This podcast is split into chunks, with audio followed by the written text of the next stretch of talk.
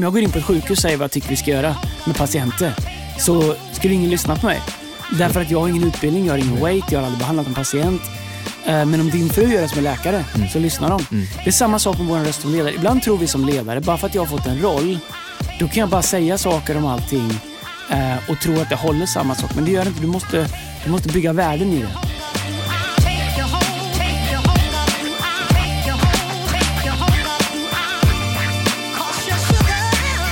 Då säger vi välkomna till Fearless Leadership Podcast med Andreas Nilsson. Borde vi byta track? Start track? Ja, det är dags för ett nytt Är track va? Ny track och ny omslagsbild är det dags för. Ja, okej. Jag är- I'm, I'm with you. Det är... Eh, Vi missade ju förra veckan ja, det gjorde vi. och det beror på att vi håller på med, jag tror det kommer bli världens bästa julshow någonsin. Ja, världens, det är ganska stor. Världens bästa julshow. Världens största. Aldrig har någon gjort det. Nej, så känner Nej. vi inte. Men vi har eh, lagt väldigt, väldigt mycket jobb på något som kommer den eh, 20 december. 20 december, Ja. thisischristmas.nu. kommer otroligt bra. Hej, är du, är du, eh, för nu är det december, nu är det första advent och allting. Har du fått upp alla julstakar? Eh, de är uppe men jag har faktiskt inte... eh, Jag har Du ingen, har inte varit involverad? jag har, ingen, jag har ingen möjlighet att ta någon credit för det. men jag ska sätta upp ytbelysningen. Vad är det bästa med julen? Bäst, eh, eh, ja, förutom Jesus är det juniorhockey-VM. Ja, det är det faktiskt. Ja, och 26. nu när det går i 26. Nordamerika så matcherna är liksom när barnen har lagt sig, Ja, det är underbart. Alla har lagt sig.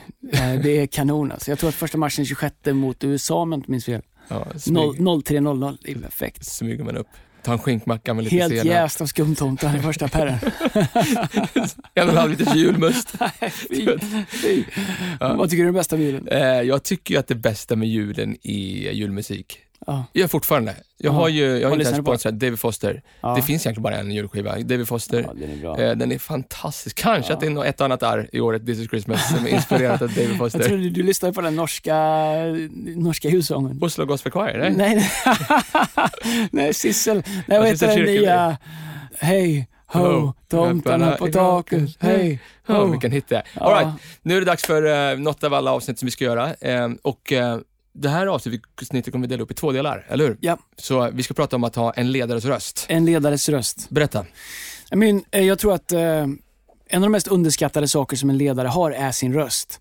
Och Eh, en sak jag upptäckt eh, i min egen erfarenhet som, eh, som ledare i 25 år nu och även jobbat med många andra ledare är att man undervärderar kraften i sin röst. Rösten är otroligt viktig om vi sätter det i, i en biblisk kontext, vilket vi alltid gör. Bibeln säger att jorden var öde och tom. Det fanns ingenting. Mörker och ljus var inte separerat. Vatten och land var inte separerat. Och det står att i det tomma intet så talade Gud han sa var det ljus. Så Gud skapade genom sin röst. Vi kan se hur Gud använder människor genom hela Bibeln. Vi kan se han använder ehm, eh, Eli, Samuel, eh, eh, Natan, profeter, Jesaja, Jeremia, Sakarja. För att, för, för att säga saker och ut, genom röst eh, skapa skeenden, skiften, olika saker. Vi kan se eh, hur Jesus när han kommer hit och han hänger på korset, han säger det är fullbordat och i det ögonblicket så bryts eh, syndens makt över människor. Så eh, jag tror som ledare så är det otroligt viktigt att vårda sin röst och förstå att genom min röst så, så skapar jag hela tiden. Jag kan skapa eh, olika tillstånd, skapa trygghet, säkerhet, osäkerhet. Jag kan använda min röst för att få mig själv att känna större genom att trycka ner andra. Jag kan använda min röst för att lyfta upp andra människor. Det krävs trygga ledare för det. Ehm, jag tror att det är viktigt att förstå värdet av small talk. Ehm, att Eh, om man är ledare, människor som lyssnar på det, lyssnar hela tiden, ger dem ett filter av att du är ledare. Och på små olika sätt så är, är rösten ett av de viktigaste, kanske det viktigaste verktyg vi har.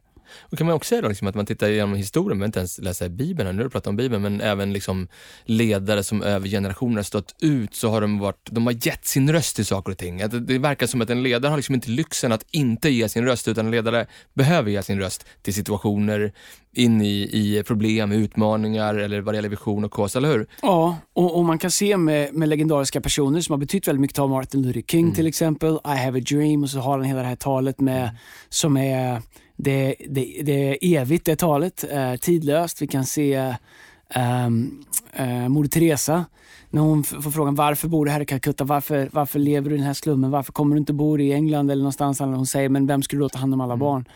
Eh, och hon, med ett citat så ger hon någonting som är så värdeladdat och som pekar ut på barnens behov, pekar också på kanske resten av världens självcentrering. Utan att vara dömande så använder hon sin röst för att um, skapa både tillstånd, värde och innehåll. Men tror du, vi ska alldeles strax titta på lite punkter, vi ska prata i den första delen på liksom en osäker ledare. Och tror att det finns en utmaning idag när alla på ett sätt ska influeras av alla och det finns så mycket andra röster in så att man liksom inte som ledare har hittat sin egen röst utan man har kopierat sju andra röster. Och liksom på andra sidan då liksom på, på följare så, så blir de osäkra därför de vet inte vilken röst som ledaren har, som man följer.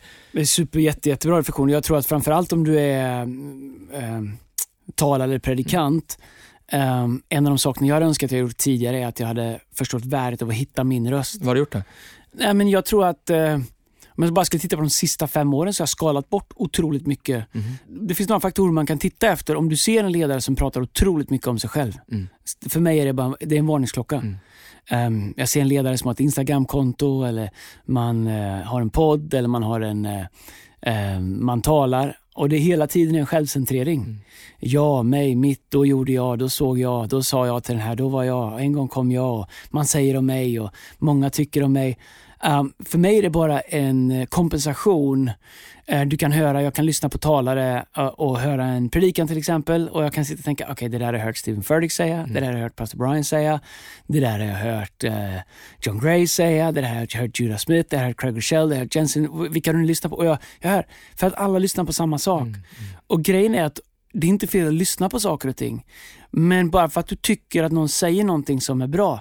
Nummer ett, de kanske har cred att säga det för att de har levt vad de säger. Så det finns, det finns, det finns en weight i ah, vad de säger. Det finns områden, jag, om jag går in på ett sjukhus och säger vad jag tycker vi ska göra med patienter, så skulle ingen lyssna på mig. Därför att jag har ingen utbildning, jag har ingen weight, jag har aldrig behandlat en patient.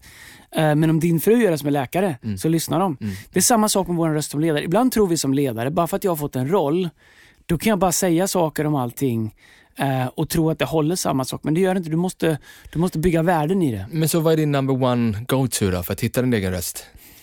Eh, nu för tiden är det faktiskt tystnad, mm. reflektion. Mm.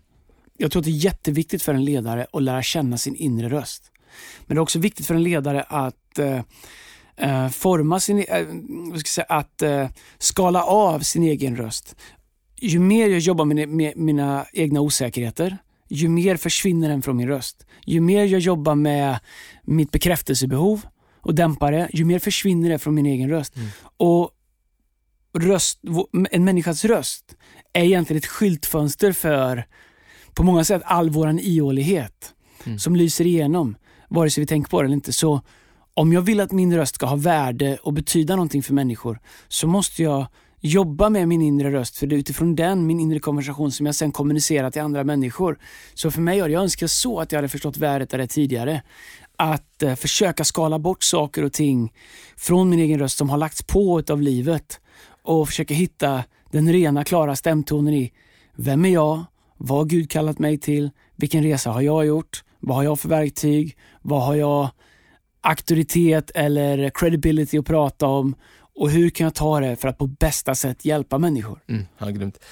Så när du hade en undervisningen för ett tag sedan till vårt staff så hade du sju punkter om en osäker, vad en osäker ledares röst resulterar i och vad man försöker göra. Och den första saken du sa, så, så här, nummer ett, vill bli omtyckt. Ja, jag tror att det är, det är en otrygg ledare, en osäker ledare har en alldeles för stor fokusering på att bli omtyckt. De har för stor liksom upptagenhet om att eh, tycka om mig, gilla mig, lajka mig, eh, lajka mina bilder, tycka om mig, bekräfta mig, ge mig en applåd, säga amen, eh, whatever. Eh, men jag tror att som ledare, om du ska leda, så eh, att bli omtyckt av allt och alla, om det är ditt liksom primära mål, så kommer du aldrig lyckas som ledare. Det är ett ganska tydligt tecken på, eh, på en osäker ledare. Att eh, man har ett överfokus på att bli omtyckt. Men vad gör man då? Alltså, vad, vad, vad är liksom motsatsen till det? Att, att inte bli omtyckt? Eller? Nej, det skulle jag inte säga att det är. Jag tror att eh, respekterad, att få eh, människors förtroende. Jag tror att som ledare, om din organisation, du, du, du, kan inte bara säga det du tror att folk vill höra. Om vi är ett hus och det brinner och jag säger nej det är lugnt. Lita på mig. Mm. Kom så sjunger vi lite till. Uh, du vet, så här, fiolerna spelade på uh, Titanic medan den sjönk och orkestern fortsatte spela för att ingen skulle vara rädd. När de borde gjort det, så jag stäng av, stäng av den här liksom gnisselverkstan och, och, och skicka alla ut i livbåtar. Så jag tror att ibland så, som ledare så måste man våga faktiskt säga saker som människor behöver höra, som organisationen behöver höra, men som kanske inte först och främst kommer göra att jag för stunden blir mer omtyckt. Men på lång sikt så kommer det hjälpa alla och det kommer ge dig förtroende och värde. Men tror du inte att många ledare, jag har ju sett eh, många människor göra, jag kan själv gå tillbaka till mig själv i mitt tidiga ledarskap, där man, liksom, där, man, där man vågar inte ge sin röst till saker och ting för att man var kanske lite rädd för att inte vara omtyckt. Vad har du gjort för det, liksom, för att liksom, på något sätt backa dig själv ändå?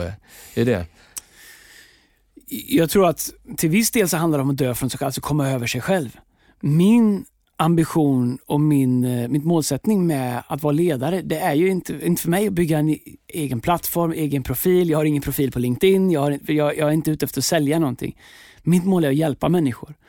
Och eh, har man gjort det ett tag så inser man att i säsonger så tycker folk att man är det bästa som finns. I säsonger så kanske de inte tycker det. Men om du är ärlig och du är consistent i det du gör om du alltid försöker göra saker för andra människors bästa så kommer du över tid eh, bli respekterad och få människors förtroende och på så sätt kunna addera värde till en organisation eller till ett team. Grymt. Den andra punkten du sa, så här, du, du, sa att du vill bli en i teamet. Det är också ett tecken på en osäker ledares röst. Jag tror det. Jag tror att som ledare så eh, ibland så är man en del av teamet, ibland så är man inte det. Det gäller som ledare att veta när jag är det, när jag inte är det. Mm. Jag tror att ett team som har en ledare som bara vill ha platt, som, som, eller som vill att allt ska vara platt, att ingen ska leda och vars mål är att passa in i gruppen, att bli bekräftad och få eh, tillhöra och få vara med. Någonstans måste man börja abdikera från sin roll och sitt ansvar. Mm Eh, som ledare. Det finns absolut en team spirit och men vi har team och jag känner mig en del av den gruppen. Men det finns, jag måste också veta när jag behöver ställa mig vid sidan av gruppen och säga okej, okay, nu behöver vi göra så här. Uh, hörni, uh, vi är bättre än så här. Hörni, uh, jag vet att ni, vi funderar på om vi ska gå höger eller vänster. Här är vad jag tror. Så att om man lägger all sin vikt på att bli accepterad och en i gänget så uh, jag tror som ledare så måste du hålla en närhet till dem du leder genuint bry dig. Men du måste också hålla en liten hälsosam distans för att kunna leda när du, när du behöver leda. Det finns gånger med människor, du är en av mina absolut närmsta vänner, kanske en av de absolut närmsta. Eh, men du är också någon som jag ibland måste leda. Mm. Så jag måste ha kvar någonting där jag faktiskt säger, Erik, nu eh, så här, du behöver tänka annorlunda här. Mm.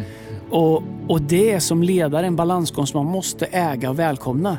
Det, den, är, den kommer från två håll. Det är både för ledaren och för teamet. Um, om man ger röst till saker och ting på, ett sånt sätt att teamet alltid känner att well, min ledare, han gör allt för att jag ska lyckas. Han gör allt för att sätta upp mig och vinna. Mm. Då kommer det inte vara konstigt för dem när man behöver komma med lite coaching eller korrigering eller whatever vad det är. Um, men du måste, och det är en del, det skulle vi kunna prata om en annan gång, en ledares ensamhet. Mm. Därför att med det så kommer det faktiskt att du kan inte alltid vara en i gänget. Nej, sant. Okej, tredje saken. Du sa eh, en osäker ledare vill, vill leva ett liv fri från konfrontation. Ja, jag tror att eh, vi kan se på osäkra ledare, det är att man undviker konfrontation till mm. varje pris. Mm.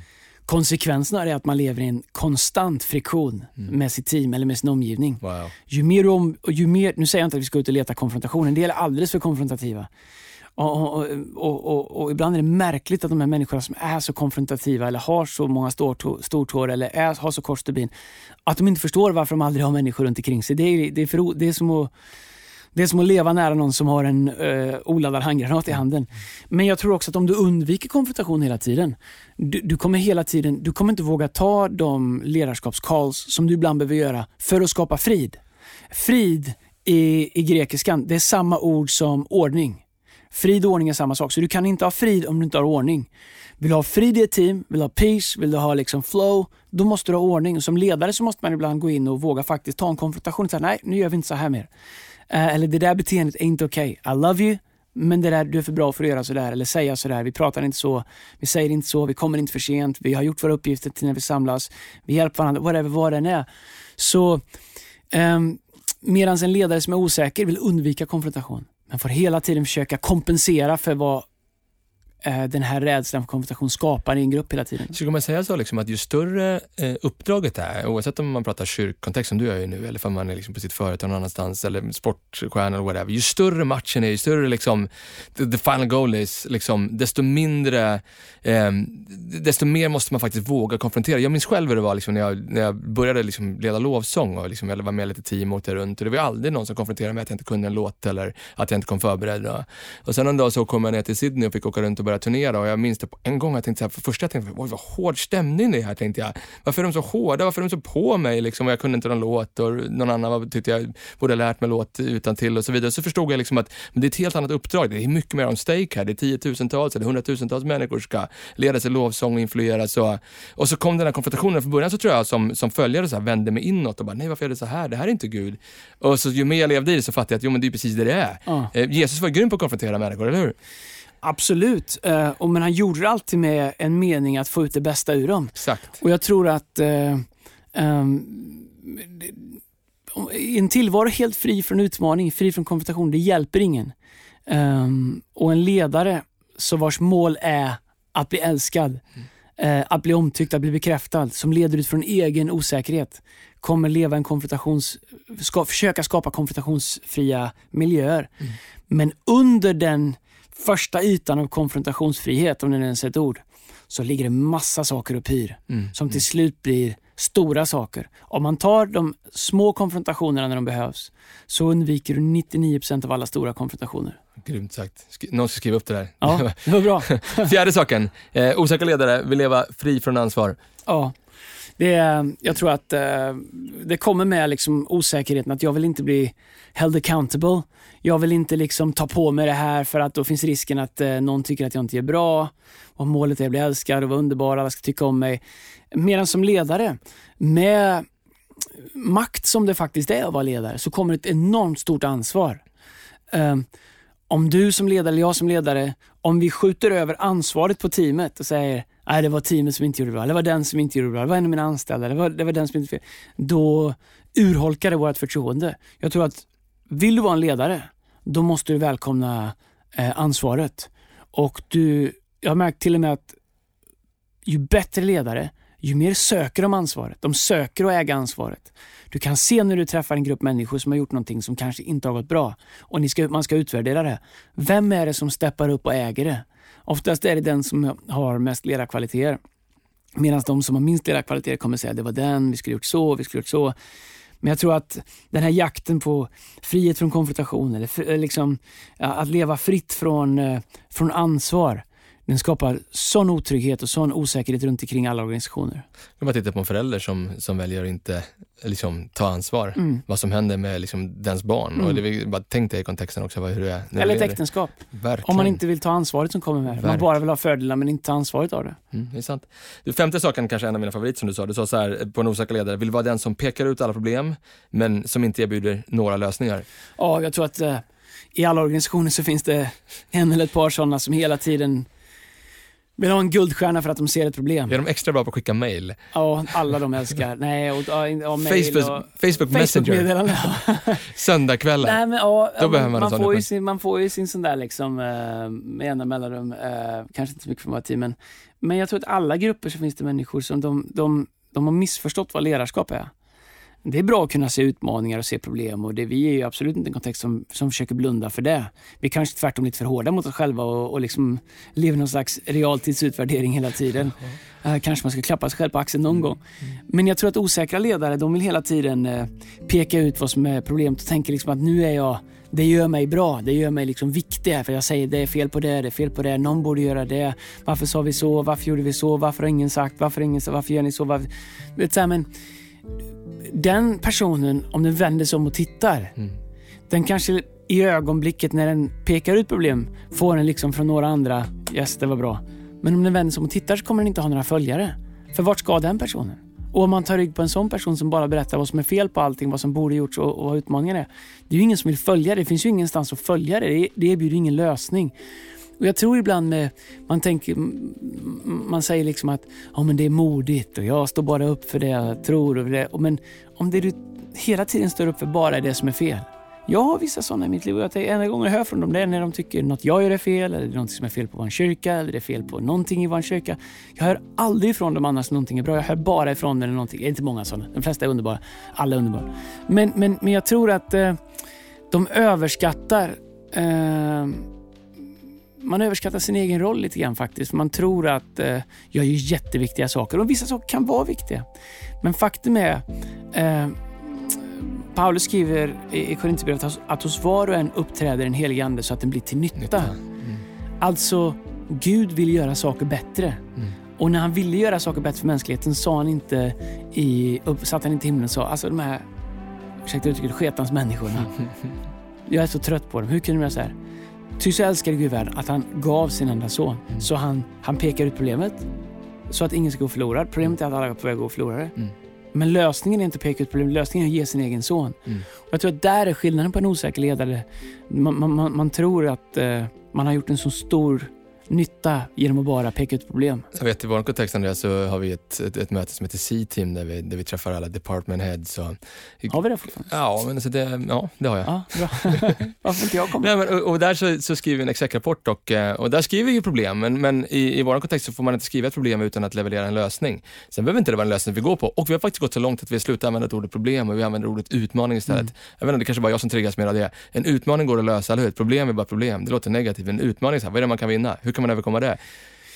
Ja, och jag tycker att det. Ja, det här skulle vi kunna snöa in på länge. Jag tycker att det är intressant att eh, när någon lyfter ett problem, vems problem de tycker att det är. Mm. Wow. De som ofta lyfter problem tycker sällan att det är deras problem. Eh, de som noga reflekterande lyfter en utmaning eh, har of, ser ofta sig själva som en del av lösningen. Mm. Ehm, jag har flera sådana bra runt omkring mig. Som där, jag tänker, okay, om de kommer med någonting till mig, då har de tänkt på det, reflekterat över det och de har ofta ett bra förslag på en lösning. Eh, Rickard Backlund i Göteborg, han är en bra sån person. Ehm, som eh, Lina, min fru, är ofta där hon tänker länge innan. Ehm, många andra. Janne också, det är Mm. bra.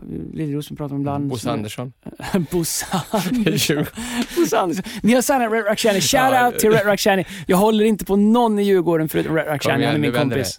Nu vänder det. Okej, sjätte saken Andreas, eh, om en osäker ledare, säger saker som det är de som har fattat det här beslutet. Ja, det är superklassiskt och om man hade förstått hur förödande det är, då, eh, då hade man inte gjort det. För, för grejen är att i det ögonblicket, du vet, i en organisation, låt säga du jobbar i en organisation där det finns, det finns en chef och så finns det en mellanchef, så en platschef och du vet klassiskt så här, vet, när jag växte upp i en bruksort. Ja, det är de på kontoret. Ja, det är cheferna.